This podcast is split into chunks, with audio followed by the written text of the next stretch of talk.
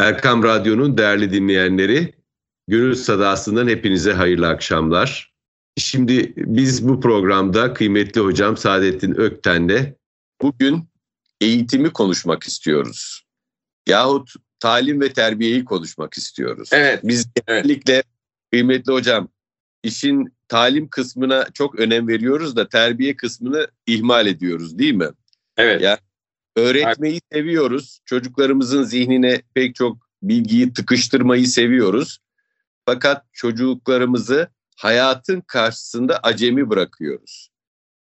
Adab-ı muaşeret konusunda acemi bırakıyoruz. Efendim sosyal nezaket konusunda acemi bırakıyoruz. Buradan başlayalım efendim. Buyurun lütfen. Hay hay. Ee, şöyle düşünüyorum. Tabii bu düşüncenin arkasında uzun bir akademik hayat var. Onun ondan onun kadar önemli, belki ondan daha da önemli aile ve dost çevresinde edindiğim tecrübeler var. Bizim bugün Türkiye'de eğitimden anladığımız zihni bir takım bilgi hamulesiyle yüklemekten ibaret. Daha doğrusu hafıza yüklemeye çalışıyoruz, yüklüyoruz, yüklüyoruz, yüklüyoruz. Fakat düşünce, tefekkür mekanizmasını ihmal ediyoruz. Bu çok mühim bir hadise. Dolayısıyla insanlar Allah'ın büyük lütfu olan akletme tabir buyuruluyor Kur'an-ı Kerim'de. Akletme meselesini bilmiyorlar. O tarafı dumura uğramış vaziyette. Sadece hafıza yükleniyor ve sanki çok şey bilen, bilgili adam, hakim adam, bilgi adam olarak adlandırılıyor. Bu fevkalade yanlış. Halbuki bilgi arasında köprü kurmak, o bilgiden bu bilgiye geçebilmek, o e, gerektiğinde X bilgisini Y bilgisi için kullanabilmek. Bütün mesele bu. Evet ve oradan bir yeni hüküm üretmek. Tabii. Yeni bir yoruma doğru gitmek. Daha sonraki zamanlarda şimdi içinde bulunduğum süreçte 40 yaş kuşağıyla doktora çalışması yaptırıyorum. Onlar yavaş yavaş şunu çok hissetmeye başladılar. Ben tabii daha da net görüyorum. Zihinlerinin çok mühim bir kısmını kullanamıyorlar. Çünkü mevcut bilgiden istihraç edip yorum yapma yetenekleri yok. Bunun niye böyle olduğunu araştırdığımız zaman bidayete gidiyoruz. Gittiğimiz bidayete de gördüğümüz şu, adeta anaokulundan başlayarak insanların zihnine bir bilgi hamulesi yükleniyor. Şimdi bir başka tecrübeden bahsedeceğim size. Torunlar var ve çizgi film seyrediyorlar. Tabii onların seyrettiği filmleri biz de seyrediyoruz. O çizgi filmlerde dünya ile alakası olmayan, hayali bir takım varlıklar, bir takım mahluklar, bir takım fizik olaylardan kopuk hadiseler ve çocukların karşı karşıya kalmayacağı fantastik olgular geçiyor. Bütün bunlar o, o küçücük zihinlere bir şeyler yüklüyor. Bu tabii fevkalade yanlış bir yaklaşım ama çok cazip geliyor insanlara bu fantastik dünyalara girmek. Halbuki zihin çok e, büyük bir lütuf, bir lütfu ilahi o lütuf ilahinin hakkını vermemiz lazım. Onu maalesef veremiyoruz. Bir de şu hadiseyle karşı karşıya kalıyorum. Zihin böyle kendisiyle alakası olmayan, hafızaya yüklenen bilgilerle yoğunlaştıkça kendi yeteneğini kaybediyor, kendi potansiyelini yitiriyor ve kendisi adeta paslanıyor. Onu tekrar uzun bir vakitten sonra kendi asli hüviyetine döndürmek fevkalade zor böyle bir atmosfer içerisinde ve bu şu anda Türkiye'nin bütün marif camiasında, marif diyorum, devam ediyor. Bu bence fevkalade yanlış. Bunun üzerinde biraz durmamız icap eder diye düşünmekteyim. Bir de şu mesele var. Bir tez yaptırıyordum. Tanzimattan ikinci meşrutiyete kızların eğitimi konulu. Bu tezde çok mühim bir husus karşıma çıktı. Osmanlı marifi muallimlerin ve muallimelerin ilmi mesleki liyakatleri kadar ahlaki niteliklerine de ehemmiyet veriyor. Evet. Bu çok mühim bir husus ve bu devlet kayıtlarına geçmiş. Yani bir muallim veya muallime özellikle orta öğretimde, ilk öğretimde çocuklara bir takım bilgileri aktarırken aynı zamanda ahlaken de eski tabirle numune imtisal yani örnek alınacak kişi olmak durumunda. Bu da çok mühim bir husus olarak karşımıza çıkıyor. Biraz evvel de sözünü etmeye çalıştığım gibi ileri yaşlarda yani 40 yaş civarında doktora talebeleriyle meşgul olurken bu zihinlerin kavram üretemediğini, kavramlar dünyasında düşünemediğini, yani soyutlarla ilgilenemediğini hissettim, gördüm. Bu insanları ki ilmi çalışma, felsefi çalışma mutlaka soyutlarla yapılır. Deneysel çalışma somutlar dünyasındadır ve siz o modeli alıp zihne aktardığınız zaman soyutlara gidersiniz. Soyutlarla çalışamayan bir zihin ilim yapamaz, felsefe hiç yapamaz. Tasavvuf hiç hiç yapamaz.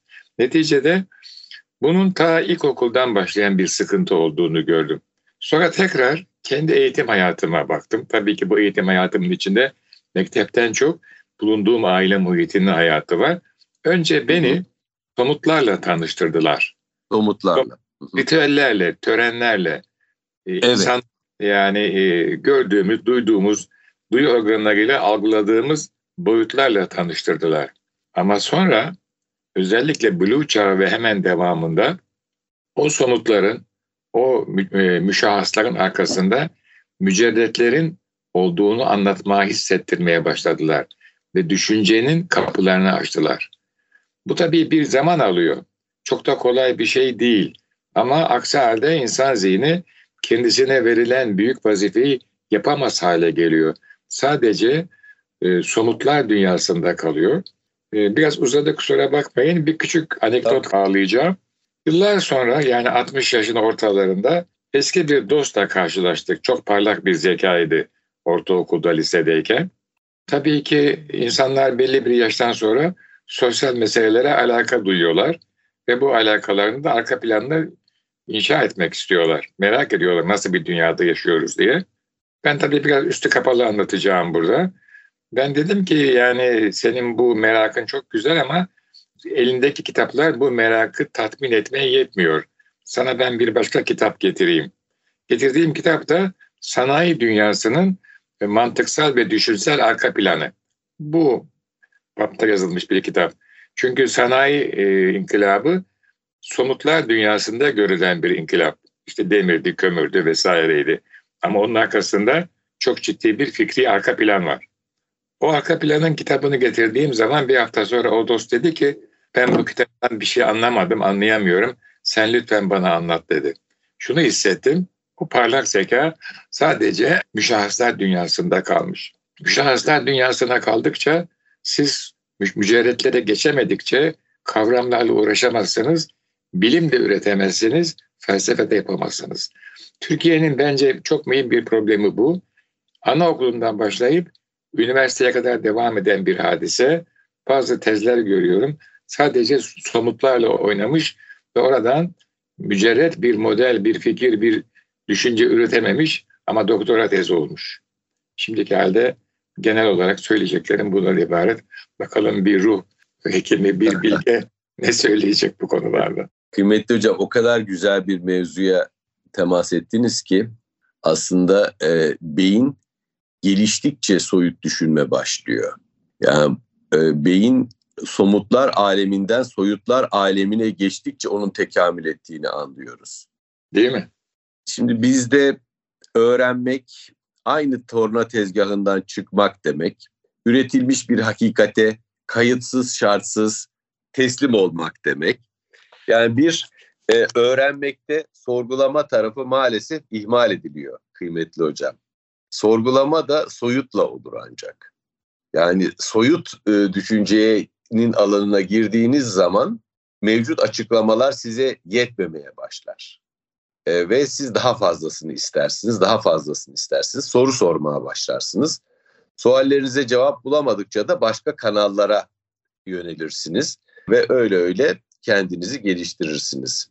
Şimdi ben, siz e, bir tarafından değindiniz, ben de başka bir hususa değinmek istiyorum. Eğitimde yıllardır hep buna dikkat çekmeye çalışıyorum. Süreç değil, sonuç odaklı bir eğitim gidiyor Türkiye uzunca bir zamandır. Maalesef bu da e, çocuklarımızın bir şeyleri zevkle, şevkle, aşkla öğrenip, hazmedip oradan yeni kendilerine yeni yollar açmalarını önlüyor. Ne demek sonuç odaklı? Teste aldığım puan matematikteki o problemi çözmenin hazzından daha önemli.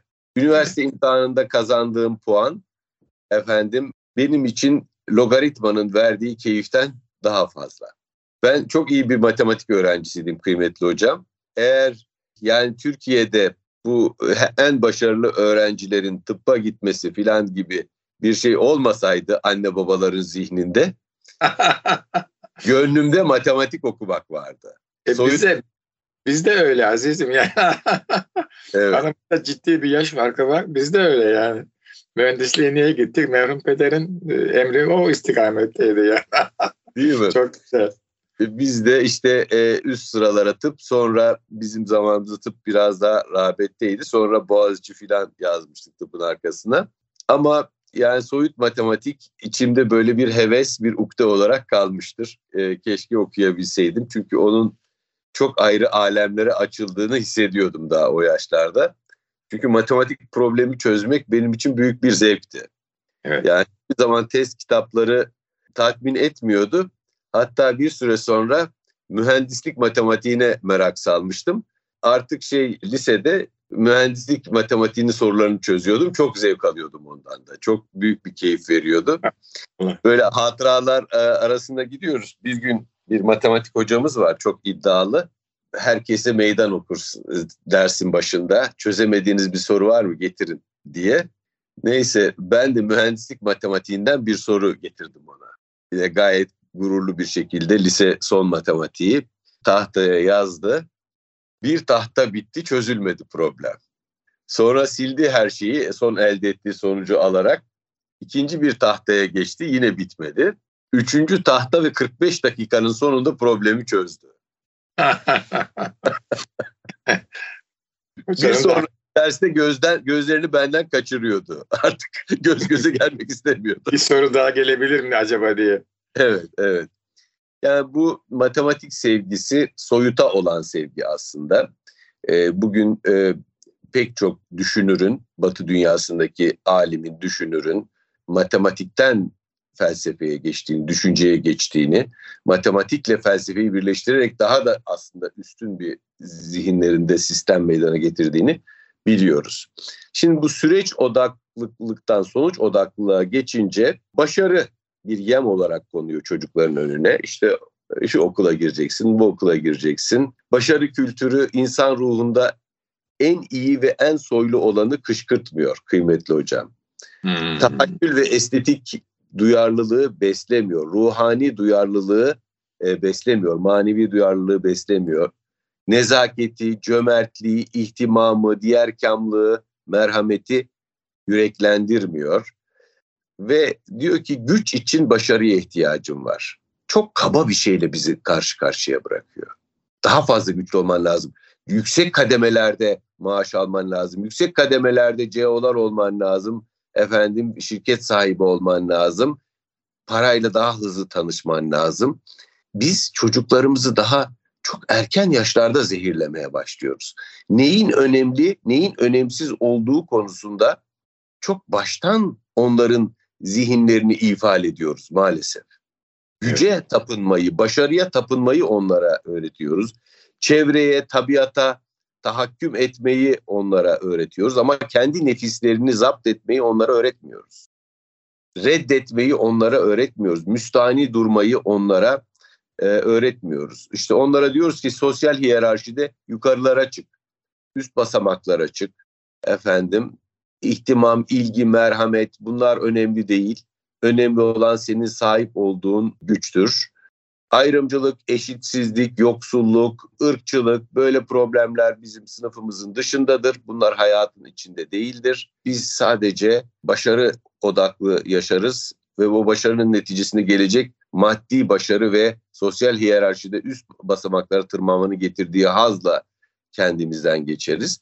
Yani çocukları doldurulacak kap olarak görmek ama onların zihnine hep maddi bilgiyi doldurmak, manevi bilgiden onları alabildiğine uzak tutmak. Bence modern eğitimin en büyük problemlerinden bir tanesi budur kıymetli hocam. Çok haklısınız. Çok haklısınız. Halbuki o zihinler, o kaplar aynı zamanda birer üretim aracı. Yani bir insanın zihni sadece bilgiyle doldurulmakla ona büyük zulüm yapılmış oluyor. O zihin tabii ki bilgi alacak, çünkü bilgi onun malzemesi.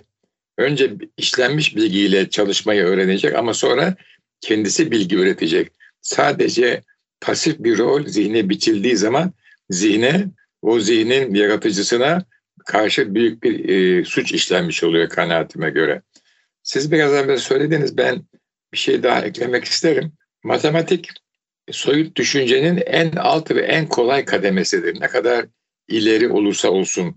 Çünkü matematikte kavramlar bellidir. Yani x x'tir, y y'dir. Ve bunlar zamanda değişmez. Mühendislik matematiğinden söz ettiniz.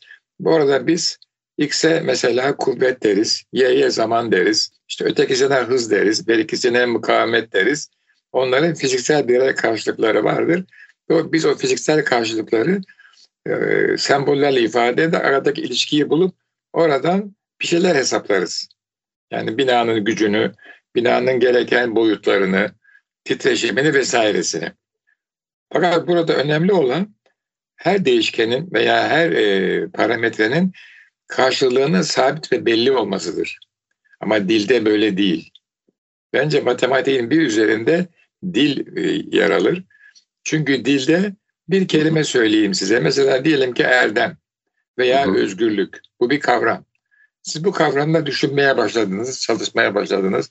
Evremle diyelim ki siyasal iktidar ilişkisini düşünüyorsunuz. Erdemle servet ilişkisini düşünüyorsunuz. Erdemle merhameti düşünüyorsunuz. Peki o erdemin içini nasıl dolduracaksınız? Biraz tarih okuduğunuz zaman görüyorsunuz ki her toplumda erdem kelimesinin, erdem kavramının içeriği zamanla değişiyor. Veya toplumdan topluma fark ediyor. Bir toplumda erdem olan bir hareket öteki toplumda erdem olmuyor. Ve fevkalade kaypak bir altyapı, bir ortam içinde hissediyorsunuz kendinizi. Tabii bu sizin düşünce sisteminizi çok anstabil hale getiriyor, istikrarsız hale getiriyor. Bu bakımda herhangi bir düşünce üretirken mutlaka zaman ve mekan şartı koymak lazım. Tabii burada ilahi vahyin ihtişamını tekrar görüyoruz. Çünkü orada her kavramın içi sabit bir referansa bağlanmış ve tanımlanmıştır. Bu çok büyük bir kolaylık getiriyor düşünceye. Yani kaotik bir ortamdan çıkıp siz bir kozmoz ortamına giriyorsunuz. Her şeyi belli tanımlanmış. Orada düşündüğünüz zaman sabit referans çıkıyor karşınıza. Hocam burayı biraz açabilir miyiz acaba? Sabit referans derken Allah'ın koyduğu tanım. Allah'ın koyduğu tanım ve Hazreti Peygamber'in o tanım üzere getirdiği yorum sünneti seniyesinde ve onun devamında ashabın işte tabiinin, tebe-i tabiinin ve ulemanın, meşayinin getirdiği yorumlar karşımıza çıkıyor. Ama esas kitap, o, o onun yorumu, onun tanımı değişmiyor. O sabit. Hayatın içinde yorumlanmış sünnet-i seniyeyle bu da çok mühim bir hadise. Beni çok etkiliyor. Çünkü siz bir kitapta soyut bir cümle görüyorsunuz. Bu bir dil ifadesi. Bunu hayata tatbik ettiğiniz zaman bir uygulama ortaya çıkıyor. Ve uygulama zaman içerisinde hayatın akışına bağlı, coğrafyaya bağlı olarak çeşitleniyor. Ama özü esası aynı. Bu İslam düşüncesine çok büyük bir kolaylık getiriyor. Çok büyük bir netlik getiriyor, vuzuh getiriyor. Aksi halde zihniniz fevkalade karışabiliyor. Çünkü her kavramın içi fevkalade değişiyor zamanla ve mekanla. Hürriyet kavramına bakıyorsunuz, o da öyle. Servet kavramına öyle. Merhamet kavramına öyle. Ben bu düşünceye çok kolay gelmedim. Türkiye'de yaşadığım çevredeki tatbikata baktım. E, biraz da batıya merak ettim. Yani ben bu batıya biraz merak ettim dersem Türkiye'ye göre iyi merak ettim de tabii bir batılı gibi de değilim onu da söyleyeyim. Oradaki konjonktürel değişimi de gördüm ve zihnim çok netleşti bu konuda. Çünkü onların sabit bir referansı yok. Onların sabit referansı değişken. Dolayısıyla ana göre karar verirler. Ana göre değerlendirme yaparlar. Dolayısıyla bir batı düşüncesinde herhangi bir dil üzerinde veya felsefe üzerinde bir şeyler okurken mutlaka ve mutlaka zamana ve mekana, zaman ve mekan şartlarına bakmamız lazım. O bakımdan İslam'ın mesajı evrenseldir diyor. Neden? Çünkü bir sabit referansa dayanarak söylüyor hadiseyi. Zamandan ve mekandan kopuktur hadise. Evet, evet. Matematik bunun ilk adımıdır. Yani zihni çalıştırır ama ondan sonrası yani bir manada belki e, bu şimdi bulanık mantık diyorlar. Yani siyahlar ve beyazlar. Halbuki arada bir sürü gri ton var. İşte gri tonda bana göre dil ile başlıyor, felsefeyle devam ediyor. Sonunda da tasavvufa giriyor. Çünkü tasavvufta bir de ilham denen, keşif denen bir olgu giriyor. Akli bilginin, tecrübi bilginin, nakli bilginin yanına bir de keşif bilgisi giriyor. Dolayısıyla iş daha komplike hale geliyor. Keşif bilgisini de İslam dünyası uzun zamandan beri söylüyordu. Batı dünyası kabul etmiyordu. Benim bildiğim kadarıyla Bergson diye bir adam geldi. O e, keşif yerine sezgi dedi. Yani akli, nakli ve tecrübi bilginin dışında bir başka bilgi kaynağı olarak geldi. Çok belki teoriye kaldık ama tekrar dönersek yani biz bazı çocuklarımızın zihinlerini tabii herkeste bu mümkün değil. Kavram üretir bir e, niteliğe bir eğitime kavuşturmamız lazım. Kavram üretebilir, kavramlarla düşünebilir. Esas zihnin vazifesi odur. Kavramlarla üretebilmek, kavramlarla düşünebilmek, kavramlarla oynayabilmek, bir yapı kurabilmek veya kavramlarla yazılmış bir metni rahatlıkla okuyup anlayabilmek, üzerinde fikir yürütebilmek. Kıymetli hocam bu soyut düşünce konusunda maalesef sizin belirttiğiniz gibi okullarımızda yeterince bir odaklanma yok. Zihinsel anlamda bir odaklanma yok. Bunu dert edinme yok. Halbuki soyut düşünme sözel olan ile sözel olmayan arasında bir çocuğun alaka kurabilmesini sağlıyor. Mesela bunu nasıl özendirebiliriz? E, soyut düşünceyi somuta indirecek olursak e, münazara grupları vardı zamanında bizim zamanımızda. Evet. Evet. Gruplar olurduk. Çok gezen mi bilir? Mesela çok okuyan mı bilir? Tartışırdık. Ve onun sonunda sınıf oylardı şu grup daha bizi ikna etti filan diye. Şimdi bu bu tür tartışmalar, münazaralar e, bir çocukta soyut düşünce melekesini geliştirir. Kompozisyon yazmak. Evet. Zihnini, zihnini örgütleyerek kağıda aktarabilmek. İnanın bana şu anda lise son talebelerine bir şu konuda kompozisyon yazın. Özgürlük konusunda bana bir sayfalık kompozisyon yazın desem üzülerek söylüyorum yarısı tel tel dökülür hocam. Yani yazamaz. Çok iyimserseniz evet. üniversite talebeleri yazamıyor. Evet. Çünkü çünkü onlara yani bir şey inşa etmek öğretilmiyor halen. Sadece test yani seçenekler veriliyor ve o testten bir, bir sürü bir şey işaretliyorlar. E, ben işte 40 e, yıl teknik eğitim yani mimarlıklar, mimarlarla mühendislik derslerinde gördüm. Ancak üçüncü sınıfta bir kısmını belli bir probleme baştan alıp sona kadar götürmeye ikna edebiliyorduk zihinlerini. Aksi halde hepsi onlara bir problem veriyoruz. Bir yapı, bir, bir yapı elemanı vesaire. Hı hı. Test sorusu değil bizimkiler. Çünkü hayatta karşılaşacağı test sorusu değil. Hı hı. Yani bir, bir şey inşa edecek, bir yapı oluşturacak, bir problemi çözecek, e, teknik bir problemi çok zorlanıyorlardı. Zihin o test aşamasından bir bütüncül düşünceye geçişi çok zor yapabiliyor. Kompoze evet. edip hadiseyi. E, ancak e, halbuki 4 yıllık bir lisans eğitimi bu. Ve bazı dersleri de işte ilk 3 yılda alıyorlar. Dördüncü sene bir projeyle uğraşıyorlar. Yani ilk 3 yılın meyvesi gibi. Ama ancak 3. sınıfın sonlarına doğru bir kısmında o da hepsinde değil zihinleri bütüncül bir bakışa kavuşabiliyor çok zorlukla. Bu da çok sıkıntı veriyor insanlara yani. Hayatta insanlara test sunmuyorlar seçenekler. Üç seçenek, beş seçenek hangisi doğru işaretle böyle bir şey değil. Hayatta problem var. Problemi evet. çöz. Zaten soyut düşüncenin bir ayağı da o problemlere çözüm üretebilmek. Yani soyut düşünebilen insanlar problemlere çözüm üretir. Değil mi? Evet. Soyut e, düşünebilen insanlar olaylar arasında neden sonuç ilişkisi kurabilirler. Gelecekteki olaylarla ilgili kafalarında plan yapabilirler, tahayyül e, edebilirler.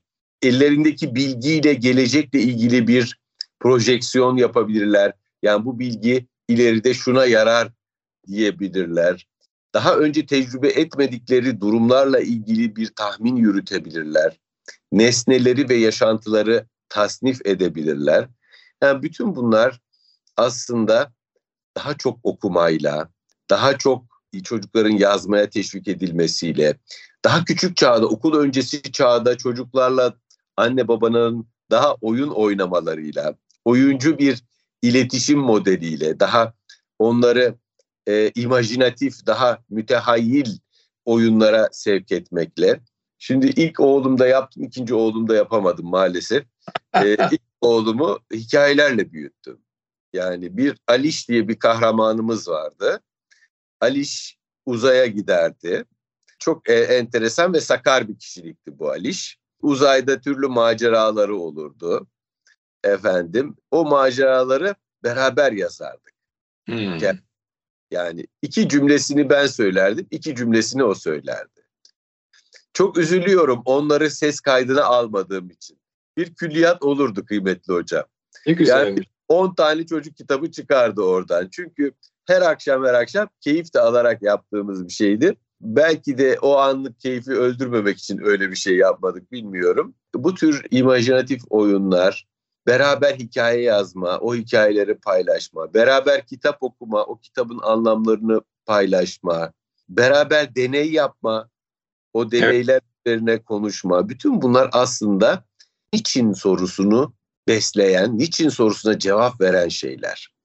Ve bir çocuk için o niçin sorusuna duyduğu özlem, onun cevabına duyduğu özlem kadar kıymetli bir şey yoktur. Zaten ikili, üçlü yaşlarında hep niçin, niçin diye sorarlar. Evet, öyle, evet, evet.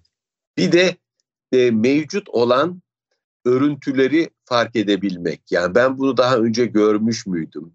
Bu gördüğüm şey daha önce gördüğüm şeylere ne kadar benziyor?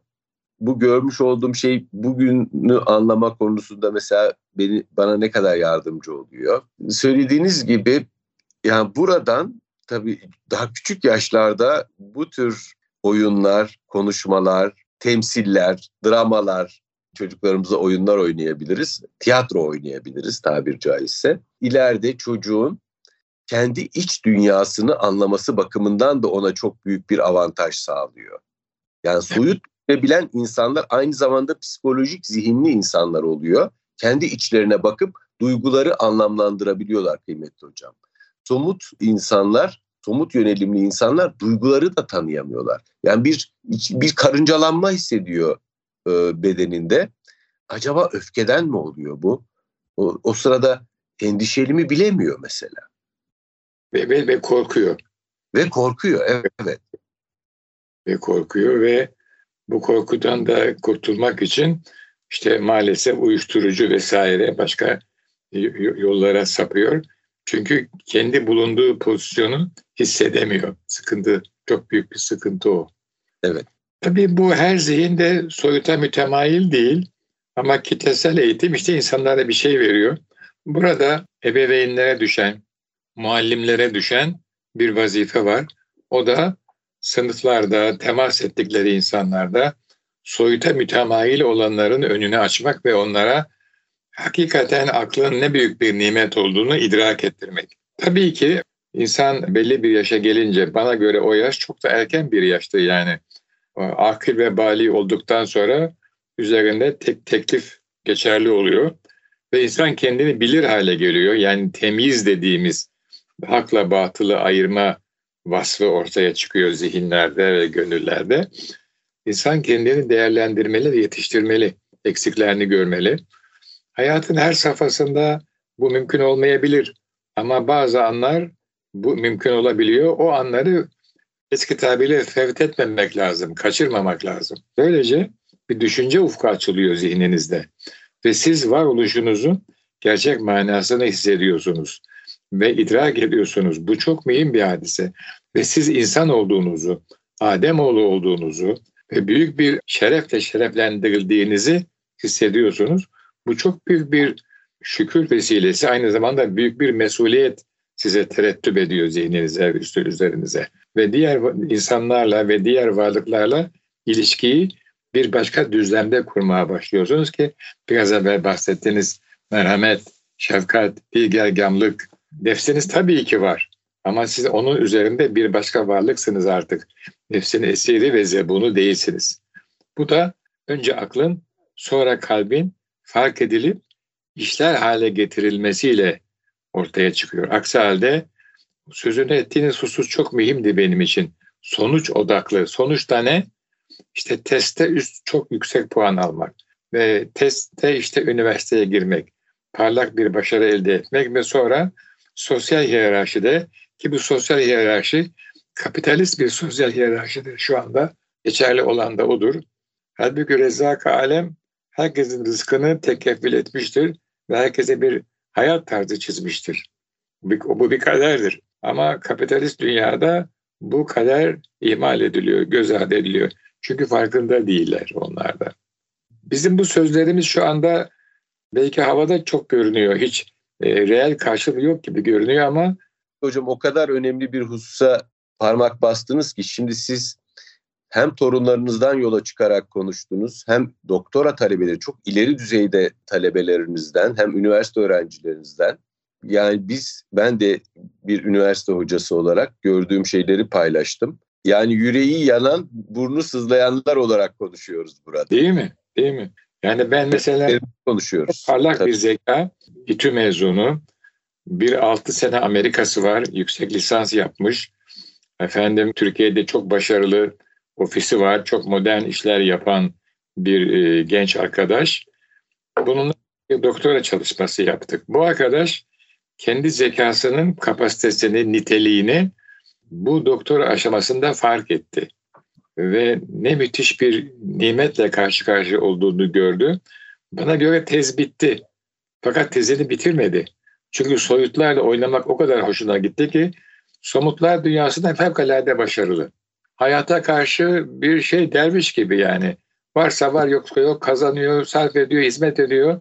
Ama zihni soyutlar dünyasının güzelliğini gördü. İnsan olarak kendisine verilen emanetin yüceliğini fark etti ve tezini bir, bir sene uzattı. Ben de hiç ses çıkarmadım. Sonra da bitirdi. Başarıyla şimdi devam edecek inşallah post doktoraya. Bunu bizzat müşahede ettim. Yani biz bu zihinleri maalesef eğitim sistemimizde bu modernitenin kapitalist pragmatik versiyonunun mesela Avrupa'da böyle değildi eskiden. Bu harp sonrası Amerikan pragmatizmi zihinlerimizi maalesef çok menfi manada etkiledi. Avrupa'da yani e, bir ikinci Cihan Savaşı öncesi 19. yüzyılda gene bir takım insanlar soyut düşünceye çok ehemmiyet veriyorlardı. Hayatta çok fazla bir maddi karşılıkları yoktu ama o onların bir noktaya doğru gitmesini sağlıyordu. E, ben biraz postmodernite okuyorum bu arada. Çok mühim postmodernist yani moderniteyi eleştiren zihinler yine Avrupa'dan çıkıyor, Fransa'dan çıkıyor. O, o gelenek devam ediyor hala orada. Bizim... Fransa'nın felsefe geleneği çok gerçekten kuvvetli ve derin. Yani Amerika Birleşik Devletleri'nden de zaman zaman özgün düşüncü, düşünürler çıkıyor. İngiltere'den de. Fakat Fransa'daki düşünürler genellikle özgün oluyor. Değil mi? Ve sistem karşıtı, sistem muhalifi e, olabiliyorlar. Kıymetli hocam eğitimin amacını acaba şöyle toparlayabilir miyiz? Kendinin farkında olmak, kendi evet. kendinin farkında olmak, farklı eylem biçimlerinin neye yol açabileceğini, hayatta nasıl ilerleyip kişiyi nereye götürebileceğini hissedebilmek, başka insanların hayat biçimlerini ve seçimlerini anlayabilmek, idrak edebilmek, onlara kıymet e, verebilmek, katı olmadan kararlı olmayı başarabilmek, bir katılığa, bir ideolojik kampın katılığına saplanmadan kararlı olabilmek, basma kalıp düşünceden kendimizi kurtarabilmek. Bu çok çok önemli. Evet. Türkiye'de evet. sosyal medyaya baktığınız zaman sloganlarla konuşan, sloganlar bağıran milyonlar görüyorsunuz. Karşı tarafı anlamak, öbür taraf ne diyor, acaba o da doğru bir şey söylüyor olabilir mi diye en ufak bir çaba içine girmeksizin sadece kendi beynindeki sloganları, zihnindeki sloganları dile getiren insanlar görüyorsunuz. Empati, sezgi, eleştirel bakabilmek ve bağımsız yargılarda, muhakemelerde bulunabilmek. Bütün bunlar aslında eğitimin bize kazandırması gereken şeyler. Daha önce bir programımızda söylemiştim yanlış hatırlamıyorsam. Alvin Toffler'ın bir sözü var. 21. yüzyılın cahilleri öğrenemeyen, yeri geldiğinde öğrendiğini unutup sonra yeniden öğrenemeyen kişilerdir diyor. Bu unlearn fiili çok önemli. Yani bildiğini unutmak. Ezberi, ezberden vazgeçmek. E çünkü hayat bir süre sonra pek çok insan için ezberden ibaret hale geliyor. Maalesef. Bir de kıymetli hocam geçtiğimiz aylarda bir kitap keşfettim. Ondan da epeyce bahsettim sağda solda. Öğrenmenin, öğrenme kabiliyetinin sabit olduğuna dair bir inanış yanlış.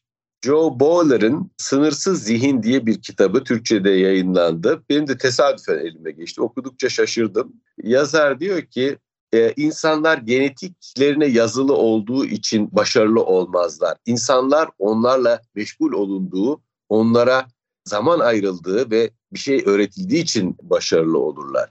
Yani beynimiz fix değildir ve yani evet belli insanlar belli konulara daha temayül gösterebilirler ama herkesin zekası eğer özel bir problemle doğmamışsa geliştirilebilir, ileriye götürülebilir. Dolayısıyla hiçbir öğrencinizden diyor öğretmenlere ümidi kesmeyin.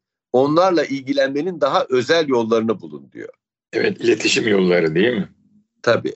Evet, böyle sizin son birkaç sözünüz varsa sonuna da geldik programın. Ben şöyle toparlayayım isterseniz.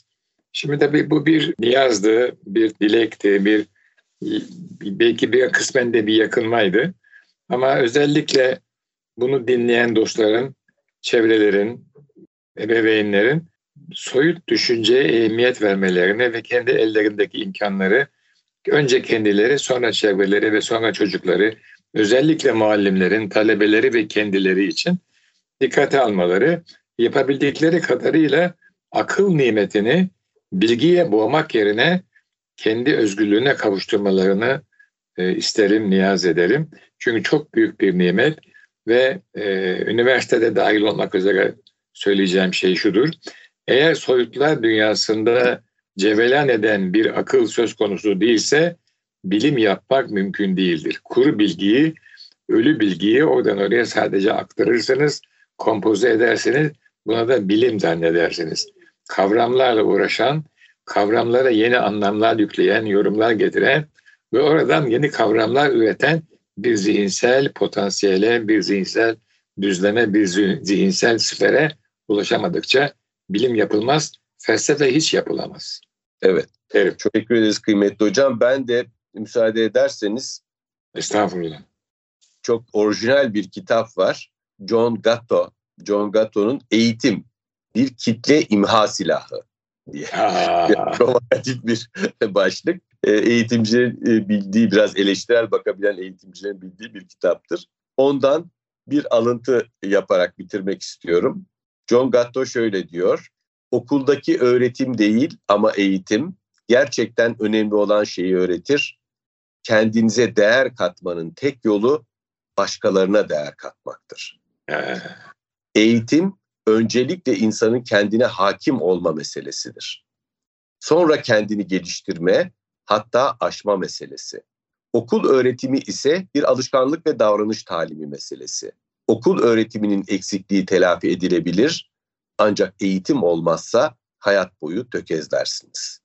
Ya muhteşem, muhteşem. Evet, çocuklarımıza çocuklarımıza daha güzel şeyler sunabildiğimiz bir dünyanın özlemiyle diyelim kıymetli hocam. Evet, teşekkür ederiz efendim. Sağ olun. Var olun, nefesinize sağlık. Allah sizi başımızdan eksik etmesin. Cümlemiz efendim. Birbirimize lazımız. Eyvallah, sağ olunuz. Kıymetli dinleyenlerimiz, Erkam Radyo'nun kıymetli dinleyenleri bir gönül sadasının daha sonuna geldik. Hocam, kıymetli hocam Saadettin Ökten ve bendeniz Kemal Seyer. İyi akşamlar diliyoruz efendim.